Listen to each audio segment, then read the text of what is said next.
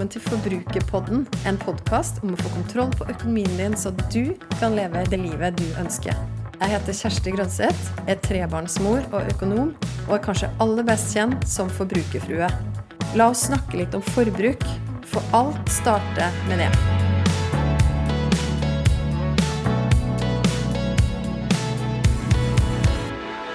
Privatøkonomi har blitt den nye folkehelsa. Jeg tør nesten å påstå at aldri før har sparing vært så trendy og så stor del av nyhetsbildet. Og januar er som alltid høysesong for å ta nye grep, og mange har satt seg ambisiøse mål for 2020. Skal det her bli året der du sparer mer enn noen gang før? Betale ned mer gjeld enn du trodde var mulig? Slutte å være blakk flere dager før lønningsdagen? Jeg vet ikke hva dine mål er, men det jeg vet, er at skal du ta grep, er det viktig at du lytter til noen som har peiling. Derfor er det en stor ære og glede for meg å introdusere deg for mitt aller første og største forbilde innenfor privatøkonomi. Ja, jeg snakker selvfølgelig om selveste Hallgeir Kvatsheim. Velkommen til Forbrukerpodden, Hallgeir. Takk skal du ha. Det er veldig kjekt å være her. Stas. Ja, veldig. For meg òg. Ja. Du, Hva tenker du, har jeg rett i at eh, det aldri før har vært så stort eh, fokus på sparing, eller? Det virker sånn. Ja. Du vet at uh, avisene er jo gjerne en av de som måler dette lettest og best, rett og slett fordi at de, de skriver rett og slett om det som folk er mest opptatt av. Mm. Um, fordi de ser det mest. Ikke sant? Så du ser jo det også på avisforsidene, iallfall tabloidene, hvor, hvor mye stoff det er om ja, sparing generelt. Eh, spesielt pensjon, men mm. også annen type sparing. Og som du trekker fram, i januar Eh, vinklinger på nyttårsforsettet, eh, hvordan du skal kutte økonomiske uvaner. Det er masse ja. stoff som, som, eh, er aktuelt akkurat i starten av året. Da. Ja, fordi at det å spare mer, det er vel litt sånn på høyde med trene mer eller spise ja. sunnere eller sånne type klassiske nyttårsforsett. Mm. Og jeg tør nesten påstå at det er nesten er Skal ikke gjøre det Skal ikke si at um, at det er en dørstokkmil her òg, for sparing. Det kan være vanskelig å sette i gang, fordi at ja. du vet ikke helt hvordan du skal få dette til. Eh, når det gjelder trening, så er det veldig målbart. Altså Hvis jeg går til sats, eller hvis jeg tar på meg joggesko og springer ut i dag, så har jeg trent. Eh, mens eh, det med å spare, det for noen fortoner seg mer sånn at ok, jeg håper at jeg har noe til overs på slutten av måneden. Det er mitt mål, for da kan jeg sette det på fond eller sette det på en annen konto. Men så viser det seg at det ikke er så lett å få til. Eh, og det er kanskje ikke så mye på slutten av måneden som du hadde håpet på. Så det kan være vanskeligere enn en del av de andre nyttårsforsettene. Tror du at det er mange som har altså, den type mål at ok, det året her så ønsker jeg at det er igjen litt ekstra penger på konto, og da, mm. da har jeg en plan for de pengene? Ja, det er mange som gjør det. Og Da er det jo om å gjøre å både gjøre den sparinga mest mulig eh, hva skal du si, målretta, konkret. Eh, gjerne definere hva du skal spare til. Ja. Sette kanskje navn på kontiene som du skal bruke for å spare. Eh, og ikke minst, da dette kan vi komme tilbake til, men dette med tvinge eller lure deg til eh, spare. Altså betale deg sjøl først. Ja. Altså trekke deg sjøl for penger den dagen lønna kommer inn på konto, sånn at du vet at det går penger inn til sparekontoen. Da blir det på en måte nesten som å ta på seg joggesko. Da vet du at du har spart, da har du overført penger, og så får nesten bare forbruket tilpasse seg det du har igjen på brukskontoen, ikke vice versa som det ofte er, at eh, det som blir igjen på sparingen, det har på en måte blitt tilpassa det du har brukt. ja, nettopp, nettopp. Det er liksom helt motsatt måte å se det på, da. Ja, men jeg er veldig fan av det. Var ikke han godeste han rikingen Warren Buffett også, som sa noe sånt som at du får heller bruke det du har igjen etter sparing? Det, det er litt det du snakker om nå, er det ikke det? Akkurat det jeg snakker om, ja. Mm. Ikke sant? Og du, du, snakker om å lure deg sjøl. Ja. Og det er jo eh, kanskje noe som man trenger litt, da. For nå er vi jo eh, Nå har jo januar egentlig gått. Mm. Eh, sånn at eh, nå, det er kanskje nå at folk begynner å kjenne på at åh, oh, jeg hadde gode intensjoner rundt nyttår, mm. men så kom hverdagen. Ja, det er det. Sånn at, hva, og, hva, hva tror du er grunnen til det? Mange opplever jo at januar er ganske lang økonomisk sett også. Det er en mm. vanskelig måned, kan i hvert fall være det, å begynne litt uh, gode spareforsett med. For det at um, Det er noen som har uh, en del regninger som forfaller. F.eks. For en dyr strømregning. Selv om det har vært mildere vær enn det som har vært vanlig i Norge, så er det fortsatt strømmen er dyrere på vinteren. Slipper heldigvis NRK-lisensen. Den uh, er jo Ja, gått år. Ja, den har vi ikke på slutten av måneden, men den betales nå gjemt jevnt via skatteseddelen. Og eh, fortsatt er det kanskje noen som har forsikringsforfall i januar, men det er også blitt mer at du betaler også jevnt i alle årets tolv måneder.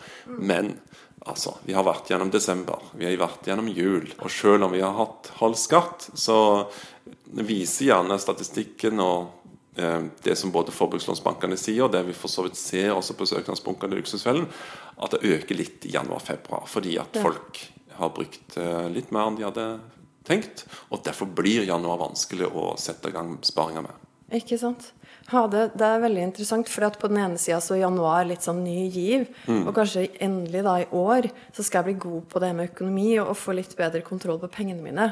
Ja. Og så får man jo den der voldsomme reality-checken da, med Ja. at januar er litt kanskje den heftigste måneden i, i året òg, egentlig. Det er det. Men du kan jo uansett uh, gjennomføre forsett om å få bedre oversikt i, fra januar av. Ja. For det er en veldig fint eh, forsett å begynne året på den måten. Eh, også fordi at eh, ja, du bør kanskje kikke litt på hva du har 31.12. For det er jo det samme som du ser i skattemeldinga om to-tre måneder. Hva har du i gjeld, hva har du i sparing, hva har du i formue? Det er et fint utgangspunkt for å se om du også sette noen mål eh, for 31.12.2020. Ja. Eh, Og for å klare disse målene så er det jo viktig å få system på f.eks. å ha oversikt over hva du har brukt pengene på. Og da, som sagt, januar er en fin måte å begynne på.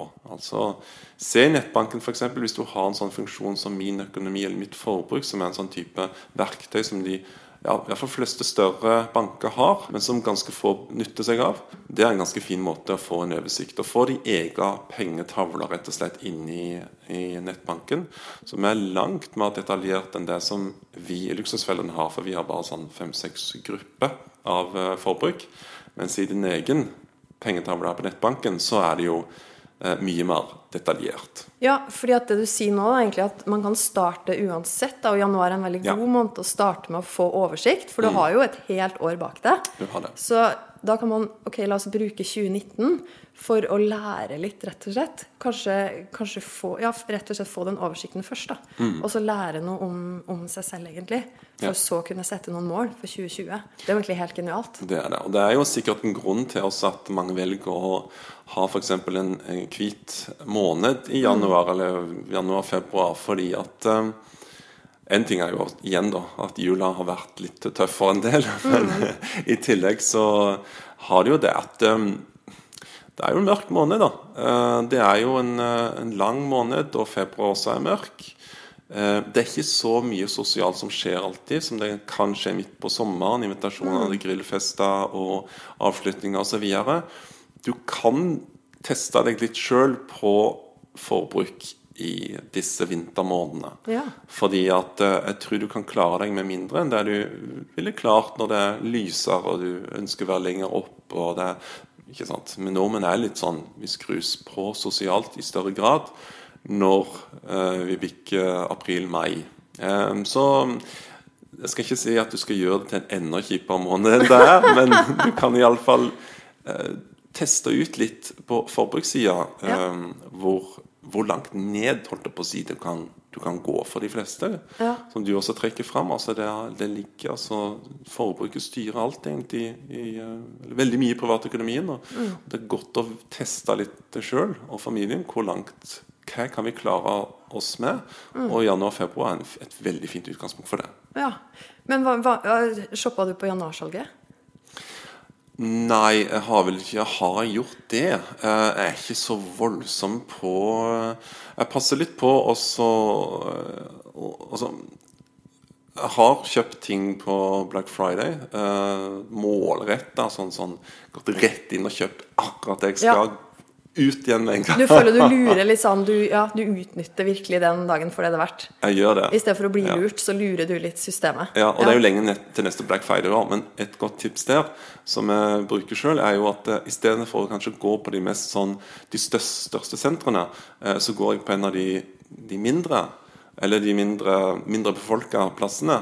Eh, fordi det er så raskt og så lite folk og så lav puls i forhold Ja. til hvis du skal være veldig sånn Oslo-sentrert. da, Hvis du går på Storo-senteret Ja. eller Oslo City på Black Friday, så blir du gæren. ikke Ja. sant? Så gå på Lambertseter-senter, da, eksempel. Der er det så rolig og koselig. Tveita-senter i nærheten der jeg bor, er helt annen puls. Og så får du de gode kjøpene uten at du blir holdt på å si, jaga til å kjøpe enda mer. Ja, ja, ok. Så du mener at hvis man eksponerer seg selv Hvis man eksponerer seg selv for eh, de mest travle stedene, så kan man rett og slett bli påvirka litt negativt? Eller påvirka til å Ja. kjøpe mer enn man hadde tenkt? Mm. Og Derfor er det jo også vi råder ja, folk generelt, og, og spesielt de som, eh, som jobber med Luksusfellen, som skal få bedre handlevaner, om at de for det første da sant, Handle kanskje én gang i uka, og handle større da, eh, altså for hele uka, eh, lage liste. Men fremfor alt en liten ting, en liten detalj. Prøv å handle litt sånn seint på, på kvelden eh, i matbutikken. Ja. Da er det en helt annen uh, puls der. Det er sant. Eh, og du kan gå i fred og ro og tenke deg litt om. Du må ikke rushe hjem for å lage middag til, til familien. Det er ikke noen unger som er med deg da. De har kanskje lagt seg eller holder på med sine ting. Eh, så du kan ta den ro, eh, runden i ro og mak. Det er faktisk nesten litt, eh, litt hyggelig. Det er nesten litt hyggelig. Ja, fordi ta, La oss ta motsatt scenario, da. Det er i hvert fall sånn for vår del hvis vi, hvis vi ikke har vært så gode til å planlegge ned med matinnkjøp, og så må vi handle middag for den dagen, og så er det gjerne rett etter barnehage, skole. Ja. Og da er det jo sånn at du, du er litt sånn Du er sulten og litt sånn sur sjøl, gjerne. I hvert fall kan jeg være det. Og så har du med barna som de spør jo som regel alltid om å få noe når de er med på butikken. Og så blir det egentlig bare dårlig stemning, og så ender man opp med mindre sunn mat og dyrere Ja. eh, totalt, tror jeg. Så handle på full mage og uten barn kan være et godt tips. Veldig bra, Algeir. Men det er mat. Um, la, oss, la oss ta for oss sånn eh, de andre store type utgiftene da, som nå kommer rullende på i løpet av et år, typisk.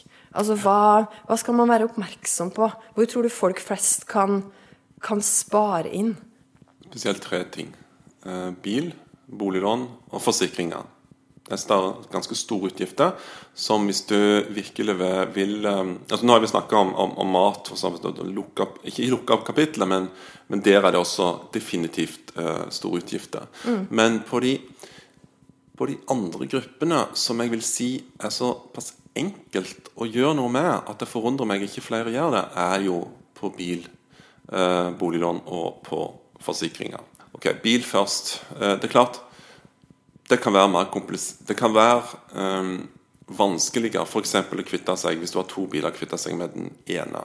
Men jeg kan love deg at du sparer ekstremt mye penger på det. fordi at eh, det er jo sånn at vi, vi tenker gjerne bare på de variable utgiftene på bil. Altså drivstoff, eh, bompenger. Men glemmer da alle de faste, som påløper uansett om de bruker bilen eh, lite eller mye.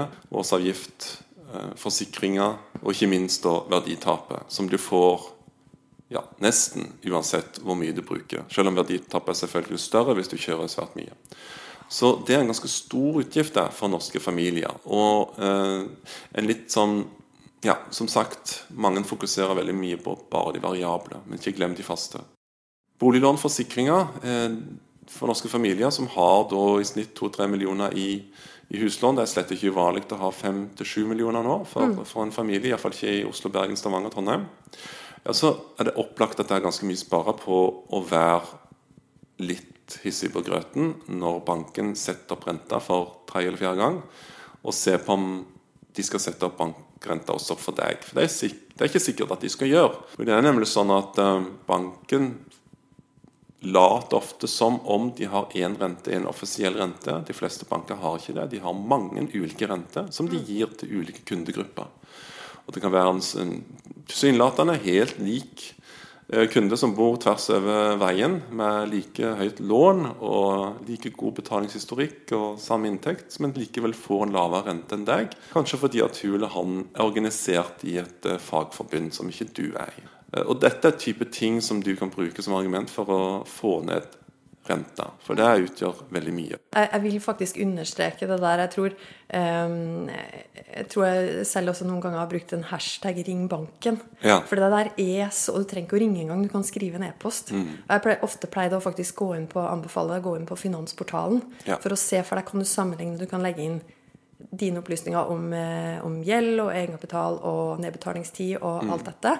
Og så får du opp hva er den beste renta jeg kunne fått. Så kan du sammenligne med den banken du har. Ja. Og, det, og det er så mange jeg snakka med i løpet av det siste året, som bare har manna seg litt opp, eller kvinna seg litt opp, til å ta den telefonen eller skrive den mailen. Ja. Og så sender de meg gjerne en melding som sier at vet du hva, vi sparer 10 000 i året på den enkle mailen. Og så tenker de at åh, hvorfor har jeg ikke gjort det her før? Så det, det er en sterk oppfordring.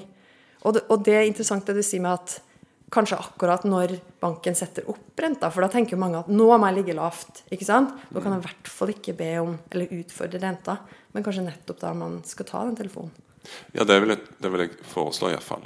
For da har bankene en tendens til å iallfall justere opp renta mer for de som ikke er så, eh, så ivrige etter å prute det ned. Eh, Fordi det er litt sånn misforstått lojalitet også der ute. Bare fordi at vi har fått et lån. Og det kan også være at vi føler en lojalitet fordi at på den tida når vi fikk det lånet, så var det kanskje en følelse av at banken strakk seg litt ekstra for at du skulle få det lånet. Og derfor føler du et ubehag ved å flytte det. Eller ringe og si at nå vil jeg ha en lave rente. Sånn tenker ikke bankfolk, folkens. De gjør ikke det. Mm. de er vant med at, uh, at um, kundene sjekker om de kan få en lavere rente, og de blir ikke sure hvis du gjør det samme. Det er helt misforstått. Og så er det mange som også har et sånt de føler at de trenger et livslangt løp med banken. De begynte kanskje med sånn bamseklubb når de var seks-sju år. Ja. Og, og mor og far er fortsatt kunder der. og de er kanskje kunder som i en lokal sparebank hvor alle kjenner alle. Men heller ikke der eh, er det noe altså, Da blir ikke noe dårlig stemning om du eh, er litt sånn på, på, på hygge. Og så kjenner jeg en del som er likevel Nei, de, de er litt sånn konfliktsky. De syns det er ubehagelig rett og slett å, å kreve det, og de vet ikke helt hvilke argumenter de skal bruke. Og da finnes det også, for all del, altså hvis du, hvis du bruker hashtag 'ring banken', eh, så det være deg for det. Men det finnes også tjenester der ute som gjør at du kan gjøre dette eh, helt enkelt uten en direkte involvering. Uten at du måtte fysisk ringe til banken òg. jeg er veldig fan av en sånn ganske ny app som jeg har oppdaget okay. Ok. heter Renteradar. Oi! En, unnskyld, det er ikke en app, det er en nettside. Ja, Renteradar.no. Ja. renteradar.no. Mm, og de er eh, det- Du har jo også anbudstjenester på, på, på, på nett, selvfølgelig. Der du får- kan få tilbud fra flere banker. Og så kan du da sende det tilbake til gamle banken og høre om de vil matche tilbudet. med en renteradar er kanskje enda mer snedig, fordi at eh, du du vet kanskje ikke hvilken rente du har. Du vet kanskje ikke hvilke, hvor stort lån du har. Ved å bruke deres um, nettside så, eh, og logge deg inn på BankID, så, sender du, så får du tilbake automatisk hvilken rente du har, hvilket lån du har. Og så har de en oversikt altså der på finans, altså via Finansportalen hvilke banker som har lavest rente. Og de har så standardisert eh, skjema som du kan sende til din bank. Ja. Med litt sånn Ja, jeg er kunde sånn og sånn, jeg har lånt sånn og sånn, renta sånn og sånn, men se her, disse, har, disse bankene kan tilby en lavere rente. Eh, kan dere vurdere å senke min? Nettopp. Og det er erfaringen at veldig mange får et bedre tilbud. For du vet, Hvis du klarer å prute ned renta bare med 0,2 prosentpoeng fra f.eks. da 3% til 2,8, og du har et lån på kanskje ja, 5 millioner, da, så sparer du 10 000 i året. Ja, ikke sant? Sant? På den ene telefonen, eller at du sjekka det på nett og fikk det Ja. senka. Det er ganske god sånn uh, timelønn. Veldig god. Det er en formidabel altså Det er jo kan konkurrere omtrent med Premier League-spillere. Ja, i timelønn. Så god er den. Oi, oi. Og så når man har gjort det, så er man litt sånn gira, så da kan man ta forsikringsselskapet i tillegg. Ikke sant? Ja, det var det siste Ja, av de tre fordi jeg, eh, jeg syns jo ikke det er noe vits i at de skal stikke av gårde med såpass mange milliarder som de har gjort i overskudd de siste åra. Det Ganske stor del av det skyldes eh, passive kunder, Mm. som lar selskapene justere opp prisene år for år hvis de ikke passer litt på. Så Derfor syns jeg jo januar-februar en glimrende måned, eller glimrende tid, å sjekke forsikringene. Det ene nyttårsforsettet burde iallfall uh, ha. Eh, fordi at du vet Hvis du har eh, husforsikring og innbo, reise, altså en familie, kanskje en barneforsikring eh, Kanskje har du hytte, så du har hyttesforsikring, bilforsikring? Så kan det være en pakke da som koster 15 000, kanskje opp mot 20 000 og mer i året. Og hvis da selskapet justerer den opp 5-10-15% ja, alt ettersom, år for år, så, så er jo det en ganske formidabel økning. Og igjen, da, hvis du tar den telefonen eller benytter deg av Det fins masse sånne anbudstjenester også på nett. altså penger.no, tjenestetarget.no tjenestetorget.no, forsikringsanbudstjenester. Som du sender ut forsikringene dine. Bare bruke 15-20 minutter, Skriv opp hva du må, du, må, du må skrive inn noen sånne detaljer for at det skal være, bli mest mulig korrekte priser. Sånn som f.eks. bilmodellen din.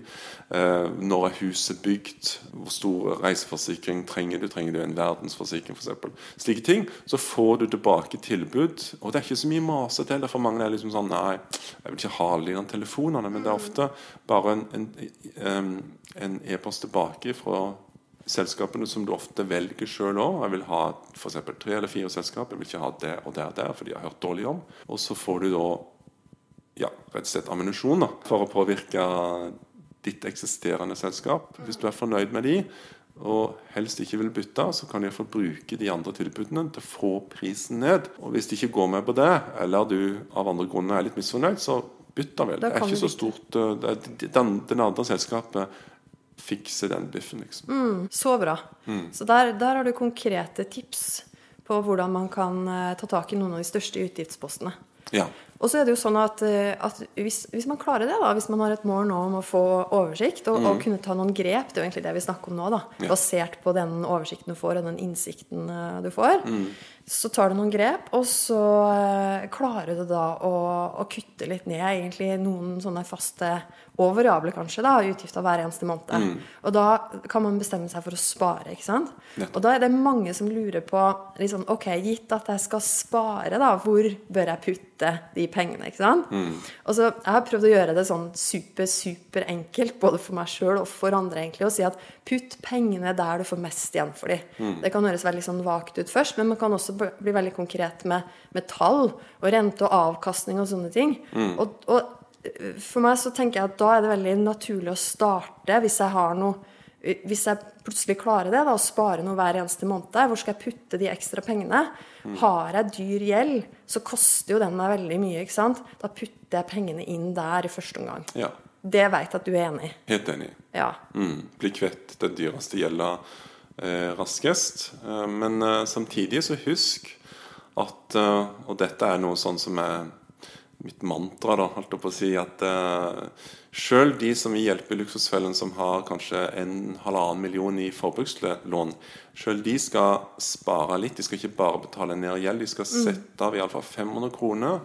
Vi lager budsjett sånn at de klarer det for eh, det vi kaller en bufferkonto. Ja. Ekstremt viktig å ha det i bakhånd. Ha litt penger på en separat sparekonto, sånn at du vet at du kan få betalt hvis du ehm, hvis bilen må på verksted, og, og det er rett og slett eh, forsikringen dekker det ikke, og det er mye dyrere enn du hadde forventa, det er utenom service, og, eller at du f.eks. kommer for seint til flyet med familien. Det hender jo også at du står fast. Det er jo en, en trafikkulykke, du kommer ikke fram til flyplassen, og da dekker kanskje ikke forsikringen heller eh, den type utgifter. Du må kjøpe nye billetter, du må komme deg tilbake, for det er, de skal på jobb neste dag. Og da betaler jo ekstreme summer ikke sant, for å få en flybillett, gjerne.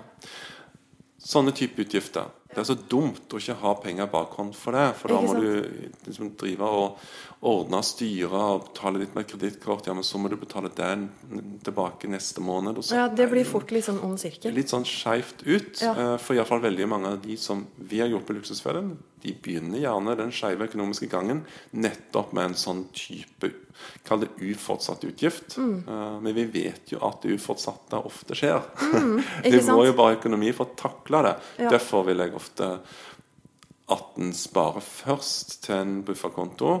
Folk gjør det på litt ulikt vis. Noen tenker at de har så god oversikt og struktur over egen økonomi at de kan rett og slett liksom spare opp en buffer ved å betale ned ekstra på boliglånet sitt, og så heller ja, låne opp litt på pengene hvis de får en uforutsatt utgift. Men for mange andre så kan det være både mer motiverende å ha en og bedre oversikt hvis du setter de på en sånn god gammeldags sparekonto. Så Der de det er faktisk liksom- er lett tilgjengelig, men det gir litt bedre rente da enn bare å ha det på en vanlig brukskonto. Men målet med disse pengene er jo at de skal være ganske tilgjengelige. ikke sant? De skal være tilgjengelige, men ikke for det blotte øyet. Så det som du kan gjøre da, hvis du er ja, blir litt frista, er det lurt å skjule bufferkontoen. F.eks. det du kan gjøre. eh, Du kan legge det nederst i nettbanken din hvis du har den muligheten. Du kan til og med i noen nettbanker eh, skjule den over oversikten, sånn at du ikke ser den hver gang. Det som kan være enda smartere og på en måte slå to fluer i en smekk, er å sette pengene hos noen av bankene som er på topp på Finansportalen sin liste over de beste sparekontiene. Og Det er typisk kanskje nisje- mm. der du ikke har brukskontoen din eller, eller boliglånet ditt, men eh, som av ulike grunner gir veldig god sparerente. Ja. Og da er det jo på en separat bank. Det er litt mer kål. Ikke mye, men litt mer kål å få tilbake de pengene enn hvis du hadde hatt de i nettbanken hvor du har alle de andre kontiene og lånet ditt ut, så videre, for der er det bare å et tastetrykk unna. Ikke sant? Ikke sant? Bra. Igjen da, litt sånn lure seg sjøl. Ja, en må det. Ja, En må det. en bra. bør det. Eh, Det tror jeg er lurt. Og så er det, det er også mange som lurer på det her med mm, eh, nedbetaling av boliglån da, mot sparing. For så Mm. Vidt i buffer, nå har du jo svart på det. Men også det med sparing litt mer langsiktig til pensjon. Altså hva Det er mange, det er mange som lurer på. Hva eh, ja, Si litt om det. Mm. Reflekter litt rundt det. Altså, hva, hva vil du typisk anbefale folk å gjøre? Ja, det er kjempevanlig spørsmål jeg får også. At eh, skal jeg liksom betale ned mindre på lånet mitt, eller kanskje avdragsfrihet? Hvis det, du, du, du får jo vanligvis ikke avdragsfrihet nå lenger, med mindre du har minst eh, altså under 60 eh, eh, lån. Men eh, hvis du har det, eller av andre grunner kan mm, nedbetale over lengre tid, eh, så kan det være fornuftig å sette pengene på noe som gir deg høyere avkastning enn det du ville fått hvis du betaler på boliglånet. Og det gir jo rundt 3 da, for de fleste. Det, Ja. sånn, det gir den boligrenta du, du har. Hvis du setter pengene heller i et eh, aksjefond, og da anbefaler jeg gjerne et såkalt globalt indeksfond, fordi det har lavest kostnader, og det er vanskelig å finne de beste fondene fra år til år. Eh, Da får du det du betaler for, holdt jeg på å si. Eh, Så forventer en jo at det skal gi 5,5% i det lange løp. De siste årene har det gitt veldig mye mer. Men du skal ikke basere hele din økonomi på at du kan få en så god avkastning, altså på en type 10-20 i året. 5,5 er et edruelig langsiktig avkastningsmål for, for den type sparing. Ja. Men så er det jo litt sånn Ja, men eh, skal, så alle skal gjøre det, da? Nei, de, de, det, det er ikke riktig. Eh, eksempel, hvis du har et boliglån nå som er kanskje på 70 eller noe sånt noe, Ja, for da snakker du om 70 da, da tenker du boligverdien, Ja. og så tenker du gjelda. Så når du sier 70% så er det da gjeld i an, som andel av verdien på boligen. Ikke ja, sant? Det, det er helt riktig. Um, hvis du har en, en eh, leilighet f.eks. Til, til 4 millioner, og, og, og, lånet er bare 70% av det, så er det mange som tenker at ok, men da har jeg en ganske god buffer. Altså på, um, på um, Da er vel eh, ikke sant, 1,2 millioner i, i buffer mellom lånet mitt og verdien på leiligheten. Ja, så kan jeg sette hele de pengene Da, da, liksom, da, da har jeg en sånn en liten sånn eh, en pute, holdt jeg på å si. Så hvis markedet går ned, hvis prisen på min leilighet synker, Det er likevel ganske mye før den er nede på faktisk det jeg lånte til. Men likevel. Det er ikke sikkert det er mest fornuftig for deg å spare i aksjefond. fordi Hva om du har tenkt å kjøpe en ny bolig Ja. om ett eller to år? Mm. hva om du har tenkt å selge leiligheten til fire og kjøpe et rekkehus til åtte? Altså Hvis det er liksom målet ditt, og du skal liksom ta litt i, da, Ja. Eh, så er det mer fornuftig å spare med lav risiko. Betale ned lånet er jo noe av det smarteste du kan gjøre da, hvis du vil eh, ha lavest mulig risiko.